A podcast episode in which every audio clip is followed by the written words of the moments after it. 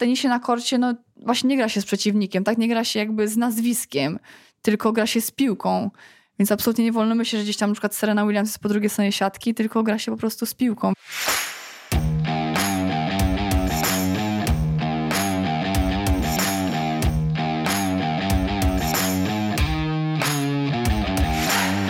Nazywam się Cyprian Majcher i witam Cię w podcaście Elite Mentality.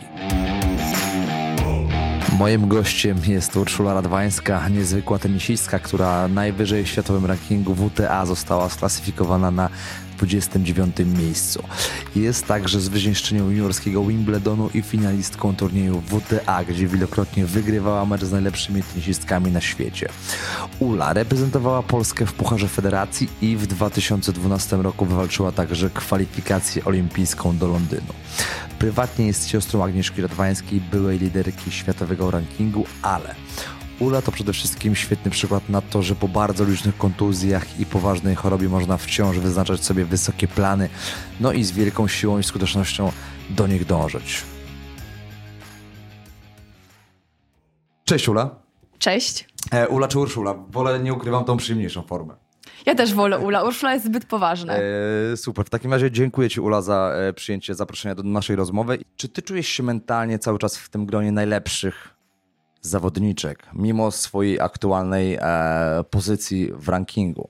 To jest bardzo trudne pytanie, ale tak, ten rok 2012 był najlepszym rokiem, był, był, był wspaniałym, właśnie byłam w pierwszej trzydziestce.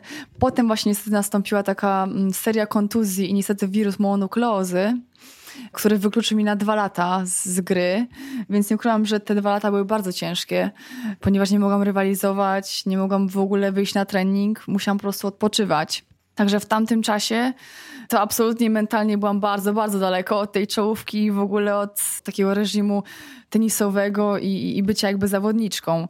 Dopiero później gdzieś tam, jak to się wszystko skończyło, bo teraz już jestem w 100% zdrowa, to potem się odbudowałam. Potem też korzystałam tak samo z pomocy tenera mentalnego. Od początku roku e, gram turniej, także jestem w tym reżimie turniejowym. Jestem z powrotem na turze. Co prawda mój ranking troszeczkę jest teraz gorszy, dlatego gram mniejsze turnieje, ale cały czas je gram, więc to jest najważniejsze, więc cały czas gdzieś tam buduję tę formę, cały czas te punkty idą do przodu, cały czas mój ranking właśnie się poprawia, więc ja jestem pewna, że, że jeśli zdrowie będzie, to, to jestem w stanie wrócić do tej pierwszej trzydziestki, ja w to wierzę. Zastanawiam się też, y, Ula, nad y, czynnikiem w ogóle, drążąc cały czas ten wątek tej postawy mentalnej twojej, który ukształtował ją właśnie, dlatego że ona jest punktem wyjścia do wszystkiego w ogóle, co robimy bo właśnie od tego punktu się wszystko zaczyna. I tak myślę sobie, jaką rolę w Twojej karierze w takim okresie formatywnym pełnił Twój ojciec, od którego można powiedzieć się wszystko zaczęło z tenisem? Mój tato spełniał ogromną rolę w moim życiu i właśnie do 18 roku życia to on nie trenował, tak samo jak i Agnieszkę, e, więc tak naprawdę to on nas ukształtował, on ukształtował nasz charakter. Od samego początku, jak byliśmy małe, to tenis był naszą taką zabawą e, i myślę, że to było właśnie najważniejsze, że my nic nie musiałyśmy, ta nas nie zmuszał do treningu, tylko tak fajnie prowadził zajęcia, tak fajnie robił całą tą otoczkę, zawsze była zabawa, zawsze była właśnie gdzieś tam były jakieś nagrody. Wiadomo, że była taka mała rywalizacja między nami, bo, bo każda chciała wygrać, ale któraś przegrała, to i tak później byłyśmy siostrami, najlepszymi przyjaciółkami i tak, i tak było fajnie, tak było śmiesznie i zabawa nie było nigdzie jakiejś takiej chorej rywalizacji. Więc to właśnie to dzięki niemu, że on właśnie zaszczepił w nas takie, taką fajną właśnie pasję, bo to, jest, to jest pasja. Potem to się wiadomo przerodziło w, w pracę, ale teraz też właśnie połączenie pasji z pracą, ale na początku to była zabawa, bo jednak najważniejsze jest, żeby dziecko na początku nie, nie nudziło się, bo jak jest samo na korcie i ma trening indywidualny przez dwie godziny, to nie jest w stanie się skoncentrować. Często właśnie przez to się zniechęca. My zawsze byliśmy z Agnieszką razem. Zawsze oczywiście był też tata, więc y, no było też dużo zabawy, było dużo nagród, więc to tak mamy takie fajne właśnie wspomnienia z, z mhm. tych czasów. A to super, co mówisz właśnie, że nie stosował takiego reżimu, bo rozumiem, nie zmuszał was do tych treningów. Nie, absolutnie nie. nie. My same to chciałyśmy, ciekawe, tak? Że same naruszyłyście sobie taki reżim, ale też fajne, że on nie, nie zabijał was tej pasji, mm. czyli nie też przez to właśnie, że nie zmuszał was, nie nakazywał wam tych treningów, tylko też e, znalazł bardzo ciekawą alternatywę w formie zabawy, która widocznie was bardzo zachęciła i jakby rozbudowała tą pasję. Tak, dokładnie, właśnie tak umiejętnie potrafił zrobić treningi i, i właśnie całą tą otoczkę, że my same chciałyśmy i dla nas właśnie pójść na trening to było jak zjedzenie posiłku, więc absolutnie nas nie zmuszał, tylko same chciałyśmy y, chodzić, same chciałyśmy trenować. Potem przy pierwsze sukcesy, wiadomo, że jak są sukcesy, to potem jest i motywacja, żeby y, wiadomo, mieć kolejne sukcesy, więc to jakby samo się napędzało, także absolutnie nie było jakiegoś tam żadnego zmuszania, tylko, tylko gdzieś tam tak fajnie nas to zaszczepił i pozostało to do dziś. A powiedziałeś, że kiedyś, gdy mm, chciałeś zostać z koleżankami na boisku, to po szkole tata pakował cię w samochód i jechaliście na trening. I tak sobie myślę, czy wasze dzieciństwo różniło się od dzieciństwa innych dzieci jakoś? Tak, oczywiście. Nasze dzieciństwo było zupełnie różne od naszych rówieśników. Jeszcze jak chodziłyśmy e, normalnie do szkoły, to wiadomo, że wstawałyśmy bardzo wcześnie rano, potem był trening i potem znowu, potem była szkoła i potem był znowu trening. Więc gdzieś tam po szkole wszystkie inne dzieci zostały na boisku, bawiły się, e, a my z Agnieszką wsiadałyśmy do, do, do auta, ta przywoziła na, nam obiad i tam jadłyśmy właśnie ten obiad w aucie, bo często nie było po prostu czasu i jechało się na trening. E, więc gdzieś tam czasami były takie momenty, że, że patrzyłyśmy z zazdrością na tych rówieśników, że chciałybyśmy też zostać gdzieś tam, pobawić się, pograć w jakieś gry, ale no teraz patrząc jakby z, z tej perspektywy, no to myślę, że, że to oni nam teraz zazdroszczą właśnie, że wybrałyśmy taką drogę i że nam się udało po prostu prostu. A nie wierzę, że nie było takiego momentu w waszej tej młodej karierze, że nie buntowałyście się, jak widziałyście, nie wiem, koleżanki, które idą do kina czy na imprezy, czy nie stwierdziłyście, że tata idź sobie sam, a my pójdziemy z dziewczynami. To nie, nie miałyście taki okres buntu w swoim czasie, nawet w takim okresie, gdzie te hormony buzują najbardziej. Nie, absolutnie nie. Takiego momentu nie było. Tata też nie zabraniał nigdzie wychodzić. Wiadomo, że gdzieś tam jak już miałyśmy to 18 lat, to zdarzało nam się wyjść na imprezę z koleżankami, to jak najbardziej. To też nie było tak, że żyłyśmy jak w klasztorze. Oczywiście to była tylko wtedy sobota, bo niedziela była wolna od treningów, e, więc jak najbardziej w sobotę wychodziłyśmy ze znajomymi i tak naprawdę to nie było tak też zupełnie, że byliśmy jakimiś tam odludkami, że trzymałyśmy się gdzieś tam na uboczu i tylko tenis i tenis. Nie wiadomo, że nie, bo jednak gdzieś tam też trzeba znaleźć ten balans, tak? Więc jak były ciężkie treningi od poniedziałku do, do soboty, to potem w sobotę wieczorem mogłyśmy sobie wyjść, wtedy niedziela jest wolna, więc spokojnie mogłyśmy odespać, także jak najbardziej też się takie, takie dni zdarzały, więc zupełnie nie było e, jakiegoś tam buntu, czy że chciałyśmy już to wszystko rzucić. Nie, to absolutnie nie. Aha, tak się też zastanawiam, e, nie wiem, czy się z mną zgodzisz, ale często jest tak, że dzieci po takim dłuższym okresie mają konflikt ze swoimi rodzicami, gdyż ci w pewien sposób odbierają to jakby zabrali im w pewien sposób dzieciństwo, tak? Zabrali jedno, ale jakby dali drugie, bo też e, no na pewno w tenisa trzeba w takim młodym wieku na pewno sporo zainwestować w takie zawodniczki, więc jakby tutaj stworzyli taką pewną przestrzeń, ale nie wiem, czy znasz takie przypadki, że dużo sportowców się odwraca od rodziców, bo ci jakby stosują na nich taki reżim, że w pewien sposób czują, że zabrali im dzieciństwo, nie? Tak, to prawda. Jest mnóstwo takich przypadków właśnie gdzieś tam rodzice po prostu narzucają, czy chcą za bardzo, czy przerzucają swoje niespełnione ambicje na dzieci. Jak najbardziej, tak, tego jest mnóstwo i to, to sama gdzieś tam widziałam wśród znajomych, właśnie tenisistów, którzy gdzieś tam potem wcześniej skończyli grać, ponieważ no po prostu nie, nie wytrzymali tej, tej presji. I właśnie to, to jest najgorsze. Rodzice jednak przede wszystkim taką właśnie ważną rolę u zawodnika takiego młodego, tak naprawdę najważniejszą osobą jest rodzic, bo taka osoba właśnie też patrzy na rodzica, gdzieś tam to jest autorytet i to najbardziej odczuwa. Potem jakby jest w domu, ma tą chwilę tak relaksu, a czuje tą presję, więc to absolutnie tak nie może być. U nas tego, u nas tego nie było u nas właśnie tak jak powiedziałam wcześniej, że ta, tak fajnie się nami zajmował i tak fajnie jakby zaszczepił ten tenis w nas, że zupełnie nie było takiej właśnie presji czy narzucania czegokolwiek.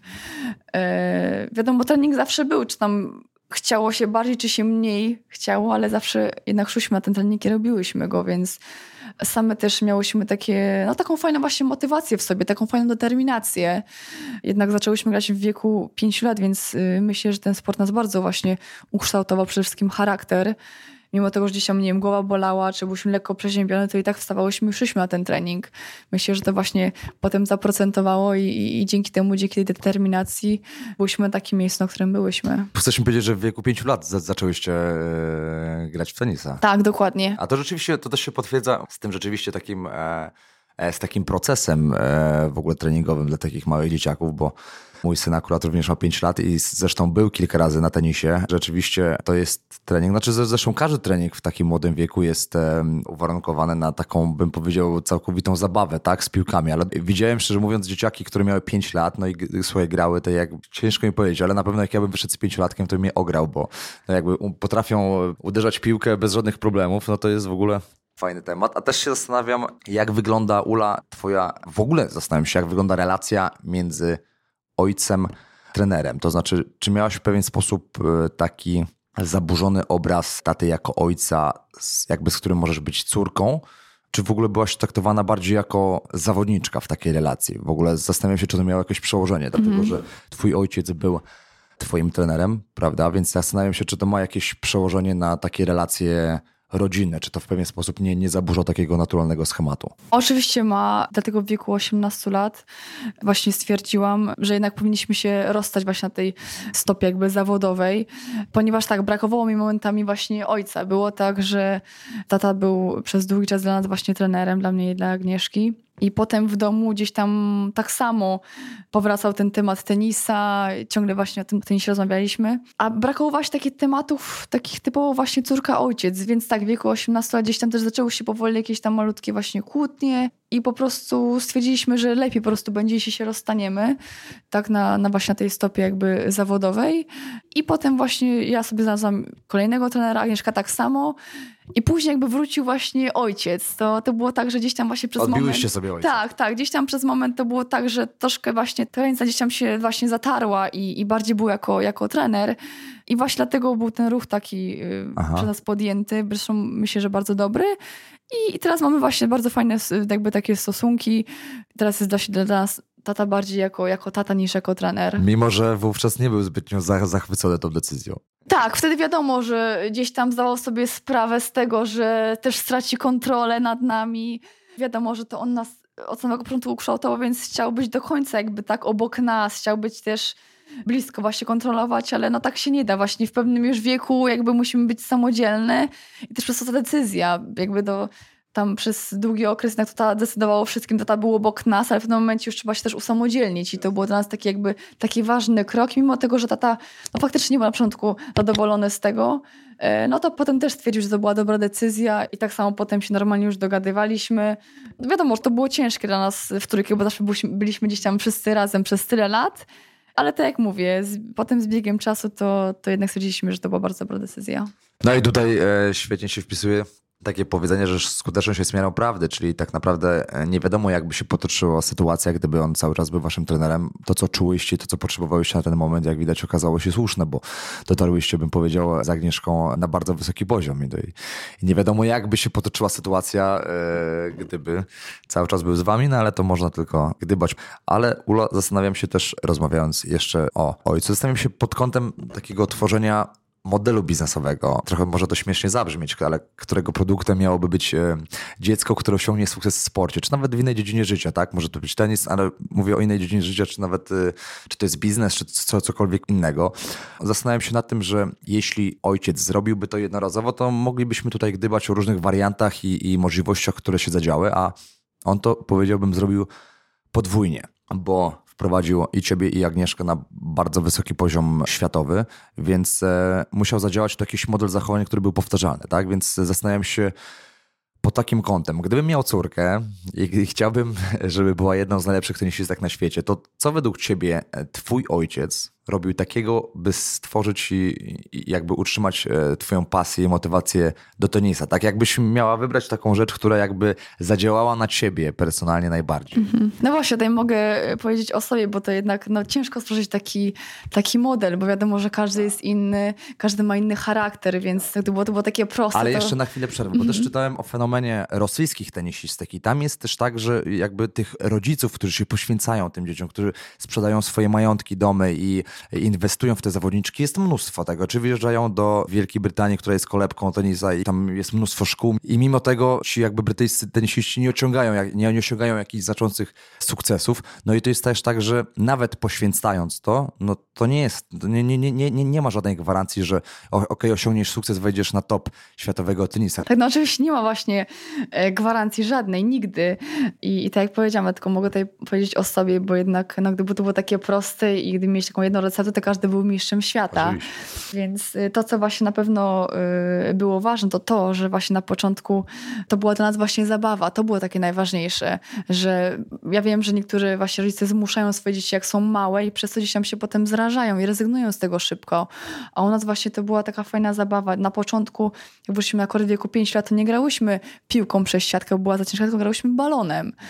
I na początku to był balon, potem była taka miękka piłka, potem już właśnie normalna piłka, ale zawsze też byliśmy w grupie też z innymi dziećmi, jak byliśmy mały. Nie byliśmy tylko we dwójkę, jak miałyśmy te od 5 do 8 lat, tylko byliśmy też z innymi dziećmi.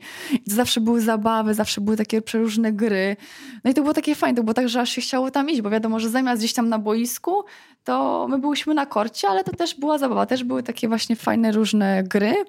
Ale też to było systematyczne. To też nie było tak, że kiedy nam się zachciało, to poszłyśmy, tylko jednak to było zawsze systematyczne. Na początku to było wiadomo gdzieś tam dwa razy, trzy razy w tygodniu, potem było codziennie, jak byliśmy starsze, potem było dwa razy dziennie, więc przede wszystkim ta systematyczność jest bardzo ważna.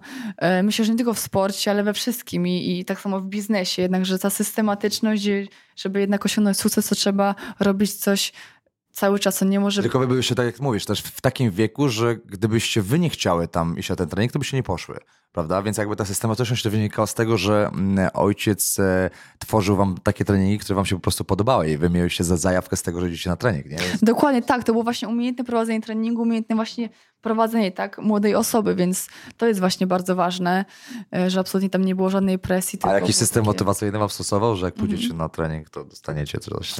E, tak, były różne. Na przykład, na przykład grałyśmy gdzieś tam parę gemów e, na końcu treningu i która wygrała, to na przykład gdzieś tam dostawała batona albo, albo loda, ale, ale tata na przykład ale jak któraś z nas przegrała, tam mówi, ale druga dziewczyna też fajnie zagrała, na przykład obie zagrałyście super, super te parę gemów, więc obie dostajecie batony, Aha. więc to było takie fajne, nigdy nie było kary, tylko właśnie zawsze była nagroda, to było zawsze było coś, coś takiego fajnego, więc to się fajnie kojarzyło. Od razu chciałyśmy, wi wiadomo, jak byliśmy tam 7-8 lat, to wiadomo, że baton czy tam lód, no to to jest dla dziecka w ogóle super sprawa, także taka fajna, mała motywacja, ale to działało na nas. Czyli mówisz głównie o tej zabawie, takim przyjemnym aspekcie mm, tego, ale też czuję, że dużo też mówisz o takim dużym wpływie, czy dużym wpływie, ale też o takiej relacji z siostrą, więc tak yy, zastanawiam się yy, w ogóle, jak wygląda relacja dwóch sióstr, które są zaprogramowane, można powiedzieć, no i tak jak powiedziałaś, zdeterminowane na wygraną. Zastanawiam się, jak wasza wspólna pasja z Agnieszką miała taki wpływ na wasze e, treningi, bo mówisz, że ze sobą nie rywalizowałyście, ale zastanawiam się, jaki miało to wpływ, że grałyście razem i razem chciałyście iść y, do góry. To była super sprawa, y, że byliśmy z Agnieszką razem i ta dzisiaj też Agnieszka powiedziała w wywiadzie, że gdyby nie ja, to być może by tyle nie, nie osiągnęła. ja mogę powiedzieć to samo, y, że właśnie gdzieś tam od samego początku ciągnęłyśmy siebie nawzajem do góry. I to było takie fajne, kiedy jednej się gdzieś tam troszkę mniej chciało, to druga zawsze była obok i ja chodź, dawaj, gdzieś tam porobimy fajnego, więc zawsze gdzieś tam się nawzajem motywowałyśmy.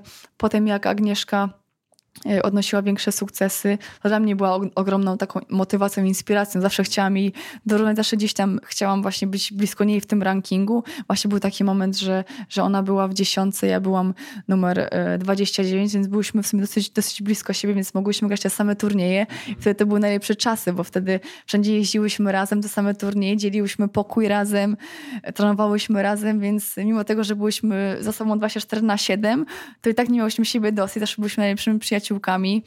Zawsze ja oglądałam mecze Agnieszki, Agnieszka oglądała moje, wspierałyśmy się nawzajem, więc to było fajne. Ale nie było rywalizacji. Ja właśnie też powiedziałam kiedyś w wywiadzie, że jakbym gdzieś tam się zbliżyła do niej do do tej czołówki i gdyby Agnieszka była numerem jeden, a ja numerem dwa, to mi by to nie przeszkadzało. Więc e, to było właśnie takie fajne zawsze, że to, e, to, to właśnie nie była rywalizacja, to była taka wspólna, wspólna motywacja, wspólna taka determinacja. Aha, a kiedyś też powiedziałaś też w jakimś wywiadzie chyba, że żyłaś trochę, czy czułaś się w cieniu trochę swojej siostry i czasem nawet wspomniałaś takie śmieszne zdarzenie, że Zdarzało się komuś e, przedstawić ciebie gdzieś tam na jakimś spotkaniu jako siostrę Agnieszki Radwańskiej.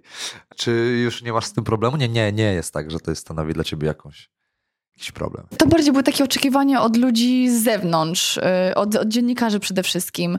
W domu, czy właśnie przy rodzicach, przy znajomych tego nie odczuwałam, tylko te momenty były takie na konferencjach prasowych, gdzie zawsze były, były pytania, a kiedy będziesz tak dobra jak Agnieszka?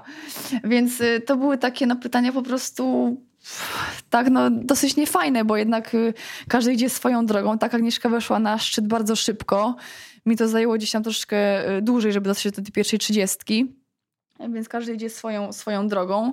I te pytania po prostu były, były niewygodne, były takie gdzieś no nie na miejscu, Aha. bo ja potem się, był taki moment, jak byłam młodsza, zastanawiałam się, a faktycznie jestem tak dobra jak Agnieszka, no to, to może w ogóle gdzieś tam nie powinnam e, już dalej grać, skoro ludzie mi porównują do niej, a ja nie mogę jej dorównać i, i to była taka bardziej właśnie presja z otoczenia z zewnątrz, tak, od dziennikarzy, ale gdzieś tam powiedziałam w końcu na konferencji, że że właśnie poproszę, że żadnych pytań o Agnieszkę i potem się to, to tak zostało, więc już potem właśnie przy, przestali się pytać. Aczkolwiek teraz znowu troszkę to wróciło, bo jak Agnieszka skończyła karierę, Aha. to wszyscy się mnie pytają, a czy ty jeszcze grasz tenisa? A tobie się jeszcze chce? A czy ty nie chcesz skończyć kariery? Więc troszkę gdzieś tam, no zawsze wiadomo, tak, to porównanie, czy zawsze gdzieś tam jakby ten temat Agnieszki będzie wokół mnie.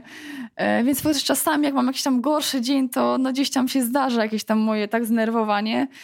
E, no ale to jest widocznie nieodłączne. No tak, nie, nieodłączne życie zawodników na wysokim poziomie, bo też w pewien sposób musisz być odporna na presję ze strony ludzi, którzy bardziej szukają nie odpowiedzi na pytanie, tylko bardziej sensacji i, i jakby nagłówków e, gazet, prawda? A jak wyglądały wasze mecze, kiedy grałyście ze sobą naprzeciwko na turniejach? Bo miałyście, rozumiem, kilka spotkań. Tak, tak. Ze, ze sobą, za Agnieszką. Tak, dokładnie. E, na turniejach właśnie WTA, na tej jakby tak e, najwyższym szczeblu grałyśmy ze sobą cztery razy. Jaki bilans wyszedł? Jeden trzy, więc jeden raz udało mi się wygrać. Tak, niestety trzy razy przegrałam. Ale jakie to jest uczucie też? Rozumiem, mm -hmm. wychodzisz z własną siostrą, rozumiem, tak. jest pełna publika, jest, jest, jest mnóstwo mm -hmm. ludzi. I jakie to jest to uczucie? Bo to rozumiem, że to nie jest normalny mecz, prawda? Nie, Zastanawiam jest... się, komu kibicuje mm -hmm. ojciec. To jest bardzo dziwne uczucie, y, bo wchodząc na ten kort, ja się czułam jak na, jak na, treningu, ponieważ no, Agnieszka była po drugiej stronie siatki, już znam ją tak dobrze, tak znałyśmy siebie nawzajem, właśnie jakieś tam swoje tak nasze schematy czy uderzenia, że to był bardziej jako trening, ale wiadomo, że każda chciała wygrać, tak, ten mecz, bo jednak e, tak, to był mecz o punkty, o pieniądze, gdzieś tam o, o prestiż na dużym turnieju, no po to, po to się jednak gdzieś tam trenuje, żeby potem te mecze wygrywać, więc jak już byliśmy na korcie, to, to ja się starałam nie myśleć, co jest po drugiej stronie siatki. Tak jak to też przede wszystkim robię na innych meczach, czy, czy wychodzę właśnie z jakąś dziewczyną z top 10, czy, czy dalszą, jednak staram się nie myśleć, kto jest po drugiej stronie siatki, bo, bo nie gram z nazwiskiem, tylko gram z piłką, tak? Tak, więc zupełnie o tym nie myślę i wtedy też się oczywiście od tego odcinałam. Więc udawało mi się to na meczu. No i niezależnie od wyniku, potem schodziłyśmy do szatni i byliśmy dalej siostrami, byliśmy dalej przyjaciółkami, dalej się śmiałyśmy, dalej jednak spędzałyśmy czas razem, więc to nie było tak, że jedna się obrażała na drugą przez to, że, że właśnie któraś tam przegrała, więc tego absolutnie nie było. Więc yy, mimo tego, że właśnie tam parę razy nam się zdarzyło grać między sobą, rywalizować, no to, to jednak to się dobrze skończyło i to po prostu nie miało wpływu na, na naszą relację. A lubisz takie mecze? W sensie, czy lubiłaś takie mecze wychodzić na, naprzeciwko siostry?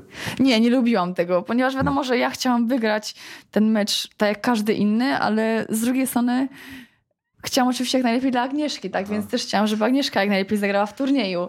Więc to, to było gdzieś tam ciężkie. Chciałaś dla niej jak najlepiej, ale Do... wygrałaś z nią. Dokładnie, tak, oczywiście, no tak jak mówię, już jak już potem jestem na korcie, to wiadomo, że włącza się ten tryb rywalizacji, tak? Włącza się właśnie gdzieś tam ten taki zmysł, że trzeba wygrać, więc to gdzieś tam odchodziło na bok. Ale no, tak jak mówię właśnie, te, no, te, te mecze nie były łatwe, ale koniec końców i tak potem nie wpływało na naszą relację. Jasne, to akurat super e, to, co mówisz, a zastanawiam się też, czy był taki moment, w którym tenis trochę bym powiedział, teraz cofnę się do tego mm, takiego okresu, w którym skończyłaś taki okres y, zabawy z piłką i taki okres juniorski.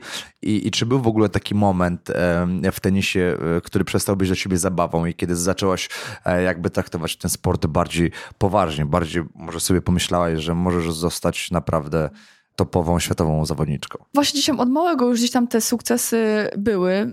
Przede wszystkim tutaj na arenie jakby na początku w Polsce, bo wiadomo, że jak się jest mniejszym, to gdzieś tam się gra te turnieje w Polsce, potem był właśnie na arenie międzynarodowej, potem było tam gdzieś w turnieje do lat 14, ale myślę, że takim przełomowym momentem, gdzie tak naprawdę uwierzyłam, że jestem w stanie naprawdę dużo osiągnąć w tenisie i to właśnie na arenie takiej światowej, to było wygranie Wimbledonu juniorskiego przeze mnie w wieku 16 lat, więc to było takie takie wow, takie właśnie przełomowe i wtedy po prostu już byłam pewna, że ten tenis po prostu będzie moje życie, to będzie jakby moja praca, że chcę się temu właśnie w 100% poświęcić, że jestem w stanie naprawdę dużo osiągnąć i i tak, myślę, że to zwycięstwo w tym wielkoszlemowym turnieju juniorskim to było takie dla mnie właśnie, taka jakby właśnie zmiana na ten tryb taki, że to jest praca już teraz, że właśnie, że teraz wszystko trzeba poświęcić, żeby, żeby dążyć do Czyli do uwierzyłaś w to, że możesz po prostu wygrywać z najlepszymi na świecie. Tak, tak. Zawsze wiadomo, gdzieś tam to było, że to wygrywanie, rywalizacja i gdzieś tam te, te takie mniejsze sukcesy, ale ten taki ogromny sukces był takim, no taką mega motywacją, takim właśnie kopniakiem, takim właśnie, że, że kurczę, że nawet taki turniej jak Wimbledon, mimo tego, że to był juniorski, ale wiadomo, że żeby tam się w ogóle dostać, to trzeba jednak być, wiadomo, w czołówce, a tym bardziej jeszcze wygrać, no to był jednak ogromny sukces, więc wtedy po tym turnieju, e, no to właśnie to był taki przełom i, i potem właśnie już, no potem już były oczywiście kolejne sukcesy, więc, e, ale to myślę, że to był taka, taki najfajniejszy, najfajniejszy moment i przełomowy w moim życiu. No i potem wchodzi takie uczucie, w które też kiedyś poczułem, że oglądasz w młodym wieku najlepszych, czy na, najlepsze w twoim wypadku tenisistki na świecie i nagle e, budzisz się pewnego dnia, w którym masz zagrać mecz, powiedzmy, nie wiem, czy tam z Venus Willi- Williams, czy Serena Williams i to jest takie, bym powiedział, spełnienie marzeń, co? Że, że trenowałaś całe życie po to, żeby wejść na pewien poziom i nagle się budzisz i jakby masz zagrać mecz i jakby jesteś w tej czołówce i grasz e, z najlepszy, najlepszymi na świecie. To, czy to było takie uczucie dla ciebie też, że miałaś takie spełnienie, że, że znalazłaś się w tym miejscu, w którym chciałaś? Nie miałam takiego uczucia, że gdzieś tam wychodziłam na ten kort centralny, czy z siostrą William, czy z kimś najlepszym i nie miałam tego uczucia, że właśnie jestem spełniona, że jestem tutaj. Nie, bo wiadomo, że Może jeszcze nie jesteś na tym centralnym, etapie. Oczywiście i też jak się jest na to koncentrowany, to jednak chce się wygrać ten mecz, chce się wygrać ten turniej, więc zawsze jest jakiś tam niedosyt, tak? Zawsze ma się te większe ambicje i właśnie ja pamiętam też jeszcze wcześniej z moim byłym trenerem, jak się dopiero właśnie wspinałam tam do tej pierwszej trzydziestki, zaczynałam z moim trenerem współpracę, będąc około właśnie, byłam w rankingu o, na gdzieś tam chyba 80 miejscu.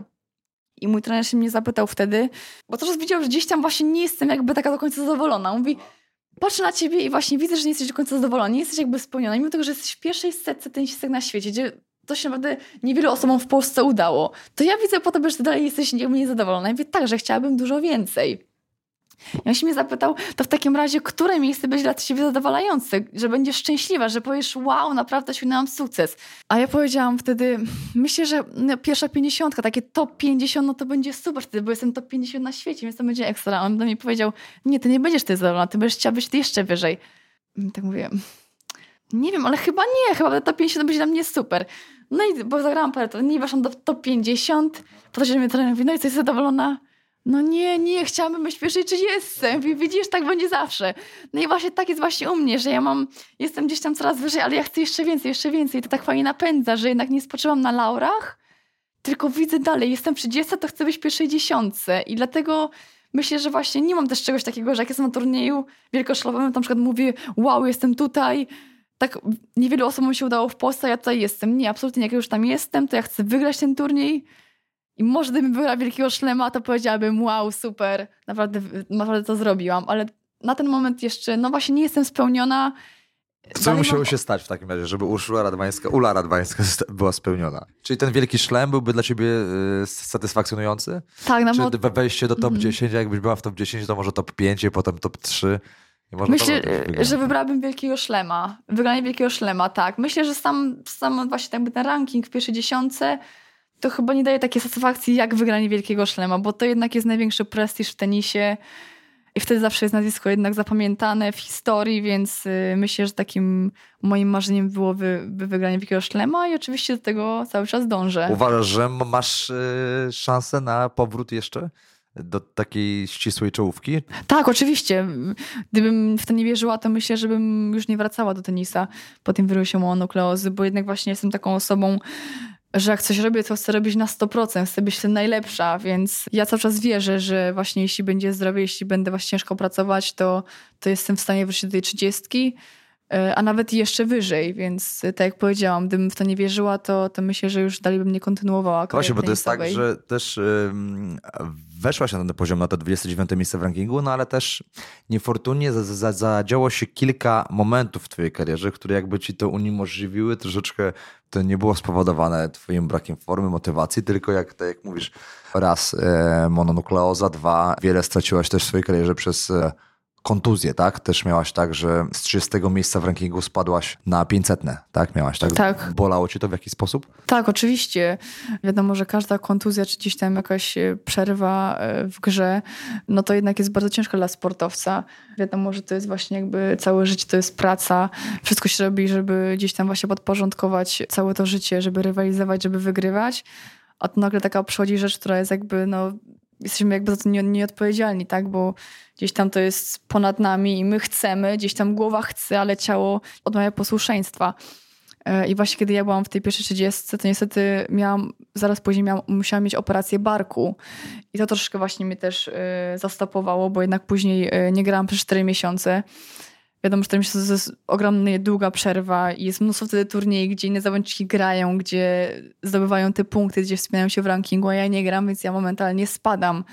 I to jest bardzo ciężki właśnie moment, bo jednak gdzieś tam się siedzi w domu, głowa już chce wy, właśnie wyjść na korty, już chce rywalizować, no ale właśnie ciało jeszcze nie jest gotowe, mimo tego, że gdzieś tam właśnie też tak samo patrzę w telewizji na nie zawodniczki rywalizują, więc to, to jest zawsze taki ciężki moment dla sportowca. Tak samo potem powrót, jak już się jest zdrowym, już się wychodzi z potem na kort, to wiadomo, że tak samo jest bardzo ciężko, bo jednak wypadło się z tego reżimu turniejowego, gdzieś tam wiadomo, jest się troszkę niepewnym, bo się nie grało 4 miesiące, e, więc te powroty są bardzo trudne, bardzo ciężkie. Ja miałam w swoim życiu właśnie trzy takie ciężkie kontuzje. Po każdej z nich właśnie wróciłam, no ale nie mogę powiedzieć, że były to łatwe okresy, bo, bo było bardzo ciężko. Ale no przede wszystkim w takich momentach jednak właśnie liczy się y, determinacja, systematyczność i wiara. Jednak taka praca, mimo tego, że na początku gdzieś tam nie przynosi efektu, bo wiadomo, że no to jest długi proces, no to jednak trzeba wierzyć i nie wolno się zniechęcać. To nie może być tak, że gdzieś tam parę razy pójdziemy na rehabilitację i wydaje się, że, że jest wszystko w porządku. No tak zupełnie nie jest. Także na przykład ja, jak miałam też operację stawu skokowego, to przez trzy miesiące byłam na sali, po cztery godziny dziennie byłam na sali rehabilitacyjnej. I dlatego tak szybko potem mi się udało właśnie wrócić, ale no wiem, że niektórzy ludzie to po prostu gdzieś tam się zniechęcają, bo im się nie chce, ale po takim czasie rehabilitacja jest bardzo ważna. No i tak właśnie powiedziałam, ta wiara, ta determinacja, to, że się chce wrócić i wtedy wiadomo, że jest dużo łatwiej. Czy różnią się czymś e, rozgrywki e, w momencie, kiedy jesteś na 30 miejscu, a w momencie, kiedy spadasz na 500? Bo to rozumiem, że też się objawia w takim w taki sposób, że po prostu otoczenie jest zupełnie inne, do którego może nie jesteś po prostu przystosowana. Będąc 30, wiadomo, że gra się największe turnieje. Są to duże korty, y, duże właśnie stadiony. Mnóstwo osób przychodzi, zupełnie inna atmosfera. Jest wielu, wiadomo, kibiców, y, jest telewizja, są kamery, jest cała ta taka fajna otoczka, taka, że czuje się, że jednak to jest coś, tak? To jest coś wielkiego, jest się gdzieś tam na topie, a, a będąc jednak 500 gra się małe turnieje. Najczęściej właśnie gdzieś tam jest koc w krzakach, jak każdy się śmieje. Nie ma trybuny, nie ma ludzi, nikt tam nie przychodzi, więc y, no to jest bardzo ciężkie właśnie, jakby spaść z takiego gdzieś tam wiesz, miejsca wysokiego, grając dużo turnieje, nagle potem właśnie grać takie malutkie, gdzie trzeba właśnie znaleźć motywację, żeby grać gdzieś tam właśnie w tych, w tych krzakach za mało punktów, za mało pieniędzy. Ale wiadomo, że to, to, to musi być i musi być właśnie takie następstwo, że na początku małe turnieje, żeby się odbudować. I gdzieś tam trzeba to, przetrwać, mimo tego, że czasami jest ciężko i gdzieś tam się żyje przeszłością, że grało się na tych dużych kortach, to jednak trzeba o tym zapomnieć być po prostu tu, tu, i teraz, wygrać ten malutki turniej po to, żeby gdzieś tam potem zagrać większy. I po tym myślę też w pewien sposób poznaje się takich prawdziwych fighterów, którzy w takich sytuacjach e, no, nie pozwalają sobie na taki punkt słabości, bo podejrzewam, że część zawodników ze światowej czołówki po prostu no, by odpuściła, bo sobie nie mogło pozwolić na taki, taki zjazd, bym powiedział, w rankingu i jakby to jest też taka w pewien sposób jakby ujma i jakby dojście, no wymaga dużo więcej pracy, dlatego że to jest związane z takimi czynnikami, o których powiedziałaś, więc jakby no taki fajny czynnik, po których można poznać prawdziwych fighterów, którzy jakby potrafią się odbudować z takiej sytuacji, nie? Więc też jakby mając ich ty dużo, też one też w pewien sposób dużo cię uczą i w pewien sposób wzmacniają, jakby tworzą takim jesteś teraz. Niektórzy to właśnie traktują jako, jako ujmę, tak jako coś, że się cofnęli, że jakby teraz tak są gorsi, grają teraz na, na małych turniejach, że gdzieś tam właśnie coś im nie wyszło, ale to właśnie nie można tego tak traktować, bo, e, bo właśnie to, to powinno być jakby taka, ok, teraz się cofasz dwa kroki do tyłu, grasz te mniejsze turnieje, ale wygrywając te turnieje mniejsze, wspinasz się właśnie dalej. To, to jest jakby taka, taka droga, to jest taka droga z powrotem do tego, do, do tej czołówki, do tego sukcesu, więc każdy musi to przejść. To nie jest tak, że po kontuzji czy po jakimś tam przerwie nagle ktoś wraca i rozugra świetnie z powrotem. To jest, to jest bardzo ciężkie. Więc absolutnie tak, tak nigdy nie jest i faktycznie niektórzy sobie z tym nie radzą, niektórzy po prostu nie znajdują już motywacji na te mniejsze turnieje, tak? Więc zdarza się, że dużo ludzi y, odpuszcza. Ja nie odpuściłam, ja właśnie tak od tych małych turniej z powrotem właśnie zaczęłam tą drogę do góry. Jestem aktualnie na miejscu 270. To też jest wiadomo, to nie jest miejsce zadowalające dla mnie. Absolutnie nie. Bardziej, że byłaś na 29. Tak, absolutnie nie, ale, ale wiem, że teraz muszę zagrać te mniejsze turnieje, potem, żeby właśnie się jakby odbudować, żeby zbudować tą formę, te punkty, żeby potem znów ry rywalizować gdzieś tam na tym szczycie. I też myślę, tak mi się wydaje, że też na takie mecze zawodniczki potrafią się podwójnie zmotywować, bo to jest też duża satysfakcja, bym powiedział, spuścić łomot zawodniczce, która była na 30, a teraz mogą dziewczyny z 500 miejsca, które tak naprawdę mogą być nawet mentalnie tkwić całą karierę w tym punkcie, mogą zmierzyć się z, zawodniczką, dziewczyną, którą mogły oglądać tylko w telewizji na dużych imprezach, więc to no, no też na pewno podwójnie każdy się motywują na taki mecz z tobą, tak mi się wydaje. Była też taka sytuacja, że grałam na mniejszym turnieju, przegrałam z taką jedną zawodniczką, gdzie widać było, że po prostu dała z siebie maksa, nawet takiego już po prostu no 150% swoich dała, bo właśnie przez to, że, że grała ze mną, że gdzieś tam właśnie ja byłam kiedyś w czołówce i widać, że już była tak tak się spiała ten mecz, że naprawdę bardzo dobrze zagrała tego dnia. Wygrała ze mną, ale następnego dnia wyszła na wagę i musiała zejść z kortu, bo już nie miała siły, była tak wypompowana, tak, takiego maksa dała z siebie właśnie w przeddzień, że nie była w stanie grać. No i właśnie to to też odróżnia te zawodniczki, które gdzieś tam potrafią zagrać bardzo dobrze seta, albo cały mecz, ale na drugi dzień już nie są w stanie tego poziomu utrzymać. I taka dziewczyna no, nigdy nie będzie gdzieś tam. Tak, nigdy nie będzie gdzieś tam w czołówce, bo jednak, żeby być na tym topie, to jednak trzeba być systematycznie grać bardzo dobrze na odpowiednim poziomie, a nie tylko się spiąć na jeden mecz, na jednego seta, bo to potem koniec końców no, nigdy nie wypali. Dużo takich przeciwności spotkałaś na swojej e, karierze, ale co ciekawe, teraz zastanawia mnie, jak wyglądała wtedy jakby twoja relacja z fanami, z mediami, bo co ciekawe, no jak ty wspomnieliśmy sobie, jak walczyłaś e, no, z poważną chorobą, jaką jest e, mononukleoza, to wylał się na ciebie, nie wiem, czy ty, można powiedzieć, że to jest hejt, czy nie, ale fani w takim momencie zarzucali ci, że nie chce ci się grać, przerwałaś sezon, wyjechałaś na wakacje i tam dużo innych e, teorii na ten temat. Jak to na ciebie wpłynęło w ogóle? To były takie, coś takiego, że jakby też m, chyba w pewien sposób nie chciałaś jakby udostępniać swoich prywatnych spraw, ale jakby też wiązało się z tym, że jakby no nie dostałaś żadnego wsparcia, które tak naprawdę też powoduje, że twoja też motywacja czasami jest większa. Jak to na ciebie wpłynęło się zastanawiam? Tak, no w tamtym momencie dokładnie, e, kiedy właśnie wyszłam, że mam mononukleozę, musiałam wcześniej skończyć sezon i wyjechać na przymusowe wakacje, e, właśnie żeby odpocząć, tak, żeby to ciało się zregenerowało. Faktycznie wylał się na mnie ten hejt gdzieś tam w internecie, że już mi się nie chce, że skończyłam wcześniej sezon, że, że jak to jest możliwe, że, że czemu jeszcze nie gram, czemu nagle sobie wakacje wymyśliłam i różne gorsze rzeczy, które nie chcę teraz powtarzać. I właśnie w tym momencie już się miarka przebrała, a ja nie chciałam o tym mówić, o tej mononukleozie, ponieważ wiadomo, że no, żadna choroba nie jest y, czymś, czym chciałabym się chwalić gdzieś tam w mediach, tak? I chciałam zostawić dla siebie. Myślałam, że po prostu to potrwa gdzieś tak 3-4 miesiące, że to jakby przejdę tak i wrócę od nowego sezonu. To potrwało y, dużo właśnie dłużej i przez to właśnie gdzieś tam też ten, ten hejt, się na mnie wylał. I wtedy właśnie stwierdziłam ze swoim menadżerem, że, że jednak musimy o tym powiedzieć w mediach, bo właśnie ludzie o tym nie wiedzą. No i też właśnie stwierdziliśmy, że jednak no, fani też powinni wiedzieć, tak? Bo tam się pytali, tak, co się ze mną dzieje, kiedy, kiedy wracam. Więc yy, stwierdziłam, że takie oświadczenie wydam, mimo tego, że właśnie nie chciałam się tym zupełnie chwalić, chciałam zostawiać dla, dla siebie bo wiadomo, że to, to też nie jest jakby łatwa sytuacja. E, no i powiedziałam o tym, tak, wydałam tutaj oświadczenie i potem faktycznie dostałam ogromne wsparcie, więc y, potem tego nie żałowałam, bo jednak wiele właśnie osób gdzieś tam się do mnie odezwało. Nawet z ulgą można powiedzieć. Tak, wiele osób się do mnie odezwało, właśnie dawało wsparcie. Więc to było naprawdę fajne. Już po tym oświadczeniu, tak, tak, to była naprawdę fajna sprawa, że jednak tyle, os tyle osobom zależało na tym, żebym wyzdrowiała, żeby mi gdzieś tam dać wsparcie, że właśnie wtedy się też fani odezwali i, i się zachowali, więc to na pewno było takie fajne.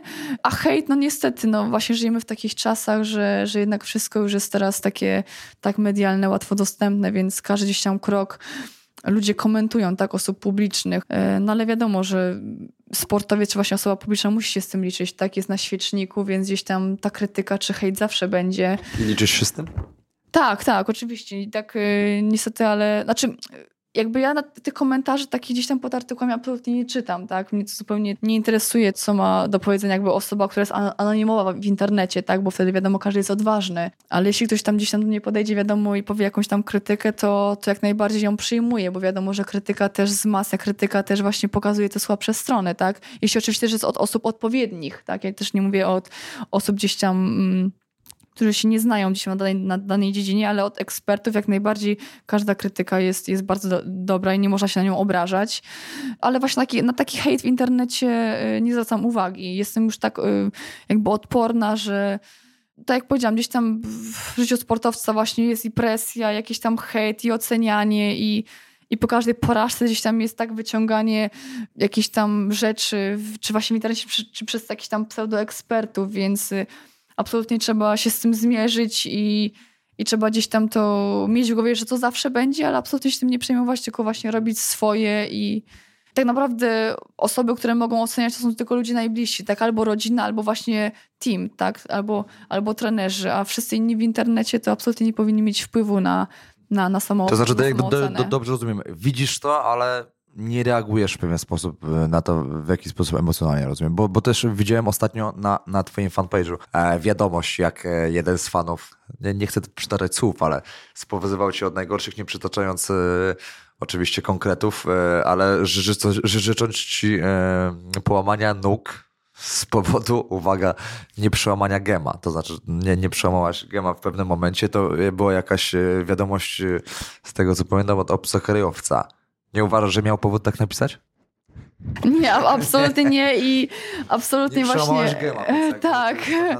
E, tak, absolutnie to jest naprawdę bardzo przykre, że takie wiadomości... To jest też polski skan, też nie ukrywają. To tak. jest tak, że to jest tak samo jak, e, ja też uważam, zbrodnia nie zna narodu. To jest też bardzo e, efekt miligrama chyba o tym bardzo pokazuje, że to nie jest tak, że Polacy, Niemcy, Rosjanie są jacyś źli i tak dalej. To dotyczy całego świata i to nie, nie ma gdzieś tam uwarunkowania kulturowego, jeśli człowiek zostanie zaprogramowany przez kogoś, żeby zabijać inne osoby, czy żeby robić inne e, złe rzeczy. To jest człowiek jest tylko człowiekiem. To, czy to jest Niemiec z Kambodży, czy z innego kraju, to nie ma żadnego zbrodnia też nie za narodu. Tak samo jak hejt, czy inne złe rzeczy. Nie jest tak, że Polacy są tylko źli, ale też jest też cie, cie, cie, ciekawe to, co udostępniłaś akurat. To jest na całym świecie i tak samo jak patrzysz na profil innych, innych zawodniczek, to one też dostają takie wiadomości po przegranych meczach, czy setach, czy gemach, bo niestety, ale to są wiadomości od ludzi, którzy obstawiają mecze. I, A, okej. Okay, I dobra, tak, ciekawe. tak. I to jest właśnie, tak, to jest właśnie bardzo przykre, że oni jest taka możliwość właśnie obstawiania się czy gema, czy seta i po prostu cały ten hejt wylewa się tylko przez to, że mu kupon nie wszedł, więc to jest właśnie bardzo przykre. Powiem że, ci, że to jest bardzo tam, ciekawe, tak, o tym nie słyszałem jeszcze. Że... Tak, taki jest właśnie tutaj. W zakładach e, buchmacherskich rozumiem Tak, takie... tak, zakłady, dokładnie zakłady buchmacherskie, oni obstawiają i potem właśnie się im ten kupon nie będzie tak, przegrali parę złotych i, i właśnie oni się ten swój hejt wylewają właśnie poprzez te wiadomości różne. Tych wiadomości zawsze mnóstwo. Akurat w tym momencie już no to było za dużo, bo jednak y, ta osoba mnie tak zwyzywała i właśnie tylko przez to, że gdzieś tam mu ten kupon tak nie wszedł, więc to było bardzo przykre i, i chciałam to nagłośnić, żeby po prostu ludzie też widzieli właśnie do czego to się sprowadza, tak, że, że jednak zawodnik wiadomo, że jak przegrywa, to sam też musi przetrawić tą porażkę, tak? Przegrał, tyle na to pracował, mimo tego i tak poniósł tą porażkę, więc sobie w szatni musi z tym poradzić, a oprócz jeszcze tej porażki musi tak samo jeszcze sobie radzić z takimi wiadomościami, z takimi po prostu jakimiś tam groźbami, czy gdzieś tam właśnie wyzwiskami, więc chciałam też nagłośnić. To też nie jest tylko w Polsce, tylko po prostu jest na całym świecie, bo wiem właśnie, że też inne zawodniczki tak samo miały takie sytuacje i jest tego mnóstwo, jest tego właśnie pełno, ale to właśnie przez to, że, że właśnie ludzie grają w tych zakładach buchmacherskich i, i przez to potem się są sfrustrowani. To jest bardzo ciekawe, nigdy o tym nie słyszałem, e, szczerze mówiąc, ale trochę też mi to rozjaśniło w ogóle temat. I może też jest tak, że jak e, Polacy w piłkę nożną przegrali na euro, to może trzy czwarte Polski się okazało, że może grają w zakładach bukmacherskich i mieli jakieś roszczenia. Oczy, oczywiście, oczywiście, bardzo możliwe. Tego się nie dowiemy, ale myślę, że, że jak najbardziej jest to realne. A powiedz, miałeś takie sytuacje e, w karierze, jak trochę bym powiedział, pisał w swojej książce, biografii zresztą Andra Gassi, zmagający się z depresją, który mówił wprost, że nienawidził tenisa. Czy miałeś takie też momenty? Może nie wiem, czy spowodowane hejtem, mówię, że on na ciebie nie wpływa, ale ogólnie czy czułaś taki właśnie przesyt, że już stwierdziła, że kończy karierę i koniec w ogóle były takie momenty, wiadomo, po, po tam porażkach, tak, któryś tam ważny mecz przegrałam, czy na przykład mecz, który powinnam wygrać, tak, na przykład z piłek meczowych, to, to wiadomo, że gdzieś tam byłam strasznie wściekła. Schodziłam do szatni po meczu, rzucałam rakiety, mówię, nie, koniec już z tym z tenisem, po co mi to, po co mi te wszystkie nerwy, już mam dość, rzucam to wszystko.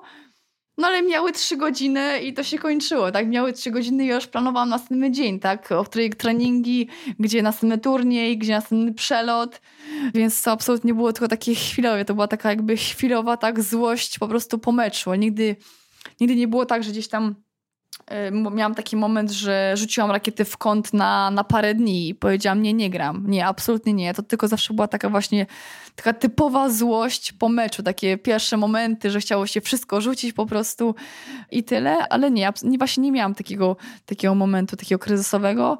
Ale myślę, że właśnie duży wpływ też na to mia y, miało to, że, że miałam Agnieszkę obok siebie. To było bardzo ważne i gdzieś tam jak miałam jakiś tam gorszy moment, czy ona miała gorszy moment, to się wspierałyśmy nawzajem, jakieś, jak na te same turnieje jeździłyśmy, to wiadomo, że gdzieś tam po tej porażce ona potem y, była ze mną w szatni, czy potem właśnie w pokoju hotelowym, więc gdzieś tam zawsze byłyśmy razem, mogłyśmy się wygadać, wyżalić, a wiem, że, że jednak mnóstwo zawodniczek naprawdę czuje się samotna na, na naturze, bo jednak są sami, mimo tego, że jeżdżą z, z nimi trenerzy, no to wiadomo, że to, to, nie jest to samo, jak się ma tak siostrę obok siebie, tak? To nie powie się wszystkiego, więc to jednak na pewno nam ułatwiło, że nie czułyśmy się takie samotne. Wiem, że niektórzy gdzieś tam, zwłaszcza zawodniczki, bo zawodniczki jeżdżą przede wszystkim z trenerami, tak? To są mężczyźni. Wiadomo, że no gdzieś tam jest ta troszkę ta bariera, także nie powie się o wszystkim tak mężczyźnie, tak samo jak siostrze czy przyjaciółce, więc y, to na pewno było bardzo ważne, że, że Aga była obok mnie. Jasne, to też może taki nie, niefortunny akurat przykład y, za Andragasiem, bo on akurat zmagał się z depresją, więc to jest zupełnie inna sytuacja, kiedy gdzieś tam twoja postawa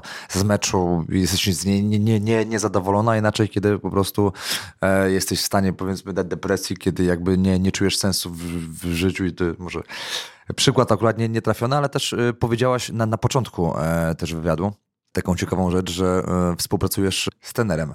Mentalnym, Mentalnym tak. tak. Powiedz, y, czy pomaga ci taka współpraca? Czy, czy jakby czujesz się lepsza dzięki, dzięki temu? W tak. Też mm -hmm. mocniejsza psychicznie? Tak, na pewno mi bardzo pomaga i właśnie zaczęłam w takim ciężkim okresie yy, dla mnie podczas tej mononukleozy.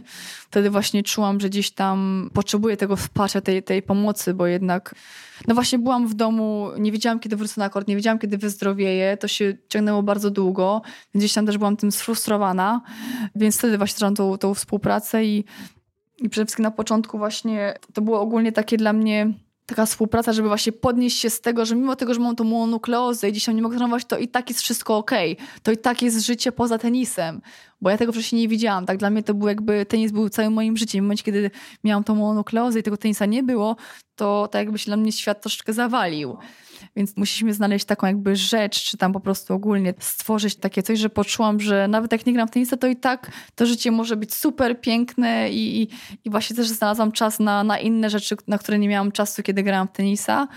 Więc to na pewno mi pomogło. A później właśnie jak wróciłam, to tak samo y, z trenerem mentalnym znaleźliśmy takie narzędzia, które pomagają mi na przykład resetować się podczas meczu, tak? Gdzieś tam właśnie jakaś tam jest na przykład... W trakcie czy przed? I przed, i w trakcie. Przede wszystkim też właśnie w trakcie. Jest jakaś tam, nie wiem, seria tak, błędów, czy na przykład jakieś tam jest frustracja, to mam odpowiednie narzędzia, gdzie właśnie potrafię się zresetować, potrafię właśnie o tym wszystkim zapomnieć, być tutaj i teraz i myśleć o kolejnej piłce, więc to też nam zajęło jakiś tam czas, żeby to wprowadzić, bo to wiadomo, że też było coś takiego innego dla mnie. Każde takie nowe wprowadzenie czegoś na treningu, a potem przełożenie tego na, na mecz jest bardzo ciężkie. Ale po paru miesiącach tej współpracy właśnie to się udało i teraz te wszystkie narzędzia mam, więc jak najbardziej czuję się, że, że jestem właśnie w stanie wrócić do tej czołówki. Super, a to też świadczy moim zdaniem o takiej dużej świadomości twojej na, na takim wysokim poziomie, bo cały czas jednak dużo sportowców e, mimo powiedziałbym swoich takich możliwości finansowych, czasami nieograniczonych na tym wy, wy, wysokim poziomie, gdzie mają kontakt z dużymi pieniędzmi, często omija świadomie ten aspekt, wychodząc z założenia, że jakby i tak są mocni psychicznie i tak jakby znaleźli się na tym poziomie dzięki sobie, ale to jest taka część, że psychika ludzka też e, zmienia się też w stosunku do okoliczności. Innym byłeś zawodnikiem, kiedy e, w takim okresie formatywnym, kiedy zaczynałeś tą przygodę i, i wchodziłaś na szczyt, a inaczej się zachowujesz, e, kiedy już na nim jesteś, więc dzięki współpracy z takim człowiekiem też myślę, że zacząłeś dużo więcej też obserwować, w ogóle też poznawać poznałaś w jakiś sposób bardziej siebie i tak się może zastanawiam się też pod tym kątem, czy zauważyłaś może, jaka jest e, taka, twoim zdaniem, taka twoja cecha, która była kluczowym czynnikiem e, sukcesu w tenisie? Czy cecha charakteru, czy, czy inna, która w, jakiś sposób na ciebie wpływała? Czy ją poznałaś? Czym ty się wyróżniałaś, powiedzmy, od y, innych? Myślę, że na pewno taką moją najlepszą całą charakteru jest taka zawziętość. Myślę, że taka właśnie... Myślę, że, że powiesz zawiść. E, nie, nie, nie, nie. Zawziętość na korcie. Walka do samego końca, tak? Że mimo tego gdzieś tam na meczu nawet nie szło, czy przegrywałam, przegrywałam seta, czy nawet tam gdzieś tam e, naprawdę e, dosyć na przykład gładko przegrywałam, to mimo tego tak walczyłam o każdą piłkę, więc to była taka zawziętość na tym korcie, że pomimo wszystko i tak do ostatniej piłki walczyłam, ale właśnie były też takie momenty, że za bardzo się frustrowałam. Było tak, że walczyłam, ale z drugiej strony też byłam tak wściekła, że przegrywam, że gdzieś tam to mi właśnie za, zaburzało, tak? Mimo tego, że nie oddawałam żadnej piłki za darmo, to coś tam mnie hamowało, tak? Właśnie ta złość taka, że gdzieś tam zepsułam, czy, czy ona dobrze zagrała. I właśnie praca z trenerem mentalnym pomogła mi jakby tak uspokoić tą frustrację. Że mimo tego gdzieś tam właśnie popsuję parę tych piłek, to, to potrafię się zresetować i właśnie wrócić jakby na ten swój optymalny poziom. Więc to było takie dla mnie ważne. A jeszcze właśnie wracając do, do aspektu... Czyli właśnie... walka do końca jednym słowem. Tak, tak. Tak, a wracając do tego aspektu właśnie trenera mentalnego i, i tego, że niektórzy nie chcą właśnie takiej współpracy, to mam też takich swoich parę znajomych i, i znam takie przypadki, że ludzie po prostu myślą, że jak idą do takiego trenera mentalnego czy do psychologa tak sportowego, to myślą, że, że oni mają jakiś problem, tak, że jeśli pójdą do takiego człowieka, to znaczy, że że z czym sobie nie radzą, tak, że, że mają jakieś tam słabości, że to ich po prostu jakby tak przeraża, że mają jakąś słabość. I nie chcą pokazywać tego, że mają jakiś problem, czy nazywają to problem, ale to naprawdę to problem wcale nie jest, bo, bo ja mimo tego, że jestem właśnie już teraz zdrowa, już jakby mam te wszystkie narzędzia, to i tak dalej współpracuję z tym trenerem mentalnym, ponieważ wiem, że jeszcze jest sporo rzeczy, które mogę poprawić. I to nie jest tak, że ja mam coś złego, czy mam jakiś problem i idę do, idę do niego i mi to naprawia, tylko mimo tego, że wszystko jest dobrze, to i tak chcę, żeby było jeszcze lepiej.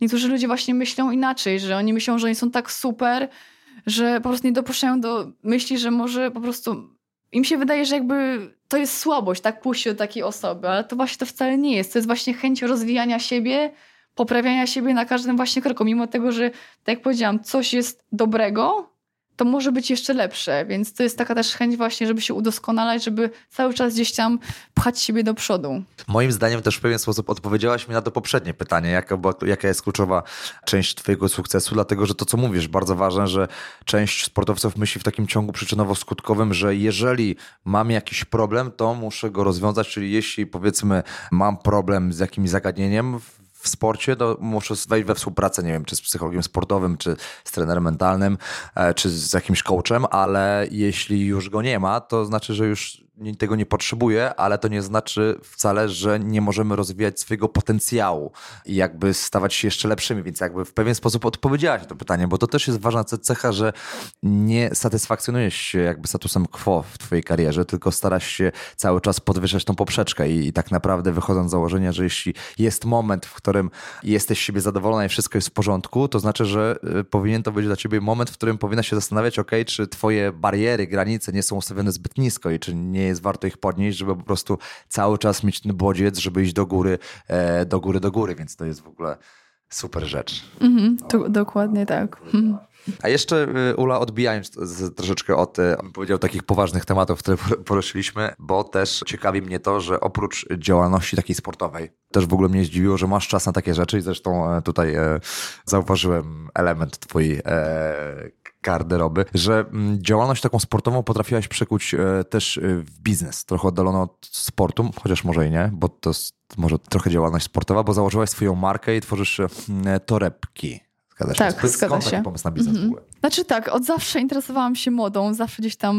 Może też doprecyzuję, to nie są zwykłe torebki, tylko y, torby może y, stworzone, tak wyczytałem, może mnie poprawić, torby stworzone dla sportowców, gdzie możesz przechować też... Znaczy właśnie niekoniecznie dla sportowców, nie, to są też dla normalnych ludzi, tylko takich aktywnych. To są też większe torby, więc, ale każda z tej torby ma przegródkę na, na buty, więc, ale torby są absolutnie eleganckie, bo są zrobione ze skóry, więc to jest też dla normalnego człowieka właśnie taki człowiek, jak idzie do biura i na przykład przed albo po idzie na siłownię, to idealnie zmieści tam wszystkie swoje rzeczy, bo jest osobna przegródka na buty, czyli może tam schować swoje tak buty sportowe, jest miejsce na ręcznik, jest, jest właśnie miejsce na, na, na ubrania sportowe, więc to jest taka właśnie funkcjonalna torba, ale oczywiście dla, dla każdego człowieka, nie, absolutnie nie tylko dla, dla sportowca.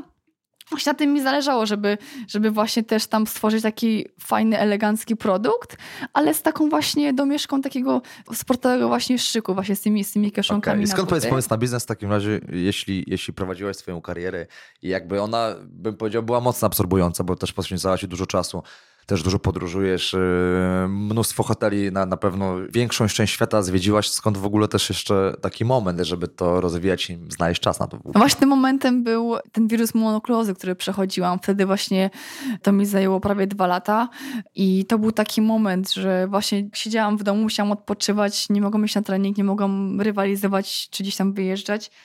Musiałam tenis odstawić na bok i po prostu czekać. A że ja czekam, ja nie lubię i nie lubię po prostu bezczynnego siedzenia w domu, więc chciałam się czymś zająć. I zawsze gdzieś tam chciałam mieć coś swojego, chciałam mieć jakiś tak swój biznes, swoją markę, ale absolutnie nie myślałam jakby podczas kariery tenisowej o tym, bo wiedziałam, że ten tenis mi zajmuje jednak mnóstwo czasu i treningi i wyjazdy. No ale zdarzył się niestety taki moment, że właśnie tego już tak nie, nie było na tamten moment, więc stworzyłam właśnie swoją markę modową torebek a pomysł był taki, ponieważ no, torebkami się interesowałam zawsze. Zawsze wyjeżdżając gdzieś tam właśnie do Nowego Jorku, czy do Tokio, czy, czy do Paryża. E, uwielbiałam tą modę, uwielbiałam patrzeć właśnie na ludzi, jak są ubrani, czy sama robić zakupy, chodzić gdzieś tam po ulicach i, i, i postrzegać tą kulturę modową, więc to mi się zawsze podobało. Też y, chciałam stworzyć taki produkt, którego nie ma na rynku. I właśnie udało mi się stworzyć takie torby, których których nie ma, ponieważ no, nie ma tych kieszonek na, na buty w innych torbach, tak? I nie ma też takiej mieszanki właśnie tej elegancji z takim właśnie jakby sportowym charakterem, bo, bo te torby jednak też są większe, ale są skórzane, więc są eleganckie są właśnie i męskie, i damskie. Dla facetów też masz torebki takie? Torby. A torby, przepraszam. Torebki, tak, męskie są torby. Róże są mody teraz, więc Tak, ale nie, męskie są torby, tak, tak, są dwa modele. I też właśnie fajny mam odzew o tych y, właśnie męskich torbach. Też mam y, sporo klientów na te męskie torby, bo jednak właśnie podoba im się to, że gdzieś tam przede wszystkim są albo właśnie prawnicy, albo lekarze, że gdzieś tam muszą te buty zmieniać w pracy, więc ta torba jest taka idealna, bo muszą właśnie ładnie wyglądać elegancko, ale gdzieś tam też ta jest takie szonka na buty, więc są fajne, funkcjonalne. I tak, i, i, i, właśnie chciałam stworzyć po prostu coś swojego. Wiadomo, że to też trwało rok, zanim zbudowałam tą markę, tak? Zanim wyszła pierwsza kolekcja, to trwało dokładnie rok, więc to było dużo bardzo pracy. A sama zarządzałaś całym procesem takim, bym powiedział, produkcyjnym, projektowym, czy, czy też masz od tego ludzi w ogóle też mhm. pod kątem? Znaczy tak, projekty były moje. Ja y, szkicowałam, jaki dokładnie model chcę, jak ma, jak ma wyglądać, y, ale miałam od tego właśnie tak osobę, która mi pomagała, skąd na przykład te wszystkie komponenty ściągać, bo ja wtedy oczywiście no nie miałam pojęcia, nie siedziałam w tej branży, więc nie wiedziałam skąd zamówić skórę najlepszą, gdzie, gdzie jest najlepsza szwalnia, czy skąd na przykład zamki sprowadzić, więc te wszystkie rzeczy, komponenty pomagała mi właśnie jedna osoba w tym. Więc miałam oczywiście taki parę ludzi zaufanych, którzy mi w tym pomagali, no ale wiadomo, że takie decyzje końcowe należały do mnie. Tak, ja jestem szefową tej marki, więc ja jakby wszystkie decyzje podejmuję. I nawet do tej pory właśnie, gdzieś tam wyjeżdżam na turniej, to mi to nie przeszkadza, bo, bo jestem czas właśnie pod, pod e-mailem, cały czas jestem w kontakcie, więc jak coś tam gdzieś się dzieje, to wiadomo, że dostaję e-maila, odpisuję, cały czas gdzieś tam pracuję. Oczywiście, kiedy jest czas turnieju, to gdzieś tam właśnie mówię, że tak, są mecze, tak, jestem zajęta, więc będę te parę dni niedostępna, bo chcę się skoncentrować yy, na turnieju, więc to też jest bardzo ważne ważne, żeby gdzieś tam się od tego odciąć, żeby nie było różnych dystrakcji. Ale już po turnieju właśnie to jest taka fajna też odskocznia, bo, bo będąc jakby w tym świecie mody, zapominam o tenisie, tak? Więc jest taka, na chwilę takie wyłączenie, że gdzieś tam muszę się zająć właśnie tymi sprawami biznesowymi, tak? Typowo biznesowe, czy właśnie idę na jakieś spotkania biznesowe, więc to jest taki troszkę dla mnie inny świat i takie też nowe wyzwanie, bo jednak no całe życie był ten tenis, tak, całe życie się w dresie, na sportowo, a tu jednak no jest, jest moda, tak, są różne spotkania biznesowe, też spotkam ważnych ludzi, więc y, no to jest takie troszeczkę taka właśnie odskocznia i taki inny świat i, i fajnie, bo właśnie chciałam też się spełniać w też w innej dziedzinie. Wiadomo, że tenis no nie będzie u mnie przez całe życie, tak? I gdzieś tam w pewnym momencie ta kariera się kończy i chciałabym, żeby coś było po tej karierze tenisowej. Dlatego już teraz rozwijam swoją właśnie markę. No właśnie, czasami to jest taki zalążek, bym powiedział, do końca kariery dla sportowców, gdzie już dochodzą do pewnego momentu, kiedy już zaczynają myśleć o takim momencie, co będzie po, jeśli skończy, jeśli już nie będą zarabiać, więc to czasami jest taki za, zalążek, ale rozumiem, że nie zamierzasz na razie kończyć swojej przygody z tenisem. Nie, absolutnie nie. I to po prostu właśnie ten pomysł wyszedł tylko przez, przez ten wiedzą monoklozy, bo było dwóch zawodników, którzy znaczy, potem... może tak, wyszedł Aha. z ciebie naturalnie, ale po prostu w tym czasie miałaś po prostu na to czas. Tak, tak. I właśnie też nie wiedziałam też, ile mi to zajmie ta walka z tą chorobą, bo było też dwóch zawodników, e, którzy nigdy nie wrócili do, do tenisa, do zawodowego sportu po, po tej, po chorobie. chorobie. Tak, bo organizm był tak wyniszczony, tak zmęczony, że nigdy właśnie mi się nie udało. Także ja de facto też nie wiedziałam do końca, czy w ogóle mi się uda. Wiadomo, że, że chciałam bardzo bardzo chciałam i wierzyłam. I w końcu mi się udało pokonać tą chorobę, ale no to była taka wielka niewiadoma. A też właśnie stworzyłam taki biznes, mając w głowie, że jak wrócę do, do tenisa do grania, to oczywiście sobie będzie mógł dalej właśnie funkcjonować, dalej sobie być, więc, więc teraz mi się udaje łączyć te, te jakby dwa światy, taki modowy i, biznes, i, i modowy i sportowy. Ale wiadomo, że na ten moment y, tenis jest na pierwszym miejscu z priorytetem, a to jest taki dodatek, to jest taka bardziej właśnie z takiej jakby takiej tak pasji, e, ale absolutnie na ten moment e, jest tenis na pierwszym miejscu i jeszcze nie myślę o tym właśnie co będzie po, tylko na ten moment skupiam się na tenisie. Bardzo cenię u sportowców takie myślenie, bym powiedział, krok dalej, do przodu, bo czasami masz, możesz mieć takie zawężone pole, że jest ok, jest teraz, zarabiam pieniądze i jestem na wysokim poziomie, ale co się dzieje, kiedy, nie wiem, właśnie łapiesz kontuzję, czy jakąś chorobę i nagle w ciągu kilku tygodni czy kilku miesięcy spada z 30 na 500 i okej, okay, ty się odbudujesz, ale szereg tenisistów się nie odbuduje i co dalej? Jakby zostajesz troszeczkę z ręką w nocniku, więc to jest, bym powiedział, taki fajny aspekt, gdzie jakby poruszasz też drugą część e, swojego mózgu, żeby zrobić coś, powiedzmy, żeby myśleć, bym powiedział, właśnie krok do przodu przyszłościowo bardziej. Więc to super. Ula i ostatnie pytanie. Ula, e, chciałbym Ci zadać, bym powiedział, trochę leitmotiv tego podcastu, czyli jaką radę dałabyś każdemu, kto rozpoczyna swoją przygodę z tenisem i, i może chciałby dostać się do topowej trzydziestki rankingu WTA? Myślę, że na pewno wiara. Wiara w sukces i wyobrażanie sobie siebie właśnie na tych dużych kortach to jest jednak bardzo ważna rzecz, bo jednak wiele osób bardzo dobrze trenuje, na treningu naprawdę grają super i mają w sobie gdzieś tam tak motywację, determinacji, ale brakuje tej wiary, tak? Wychodzą później na jakieś tam mecze w innym państwie, czy z lepszą zawodniczką i nagle po prostu ich nie ma na tym korcie, więc na pewno ta wiara właśnie w siebie, że mimo wszystko, że gdzieś tam też są jakieś tam gorsze momenty, tak? to, to nie wolno się poddawać i, i to jest takie najważniejsze właśnie czyli powiedziałam, że tak naprawdę trzy czynniki, które wpływają na sukces, czyli determinacja, systematyczność i ta wiara ta wiara jest naprawdę no, taka nieodłączna, bo tak jak mówię, na przykład w tenisie na korcie, no właśnie nie gra się z przeciwnikiem, tak? Nie gra się jakby z nazwiskiem, tylko gra się z piłką. Więc absolutnie nie wolno myśleć, że gdzieś tam na przykład Serena Williams jest po drugiej stronie siatki, tylko gra się po prostu z piłką, więc to jest takie najważniejsze, żeby też nie wyobrażać sobie o przeciwniku jakichś tam wielkich rzeczy, tylko skupiać się na sobie. To jest najważniejsze, żeby zagrać najlepiej, żeby pokazać swój tenis jak najlepiej, żeby samemu jakby robić te rzeczy, które gdzieś tam się trenowało, tak, czyli taktyczne zagrania i skupiać się na sobie, a nie na czynnikach e, zewnętrznych. Super, super. To, co e, powiedział zresztą też Miłość Brzeziński chyba w podcaście, że często tracimy motywację, kiedy sens jest mniejszy od cierpienia i tak naprawdę mając ten sens i, i taką wiarę w to, co robisz, to jakikolwiek e, przeciwność na twojej karierze się nie pojawi, to i tak jesteś w stanie to przejść, przeskoczyć, dlatego że to, co robisz, ma dla ciebie tak e, nieodzowną wartość i jakby głębię tego, że jesteś w stanie przejść każdą przeszkodę e, w swoim życiu, karierze. Świetne podsumowanie, Ula. Bardzo Ci dziękuję za świetną rozmowę. No i życzę Ci powodzenia. Teraz jesteś na 286. No to życzę Ci w takim razie, do, do którego miejsca musimy dojść? Do 20. Nie? Tak, lepiej, A żeby jak- było lepiej, To jest 29, top tak. No to top 10. No, Tak. tak. już po Agnieszce nie będziesz, niestety, no ale życzę Ci, y, y, żeby za kilka lat, jak nie wiem kiedy skończysz karierę, ale, ale życzę Ci, żeby był ten też wielki szlem i żebyś była spełniona. Bardzo dziękuję za rozmowę. Dziękuję bardzo.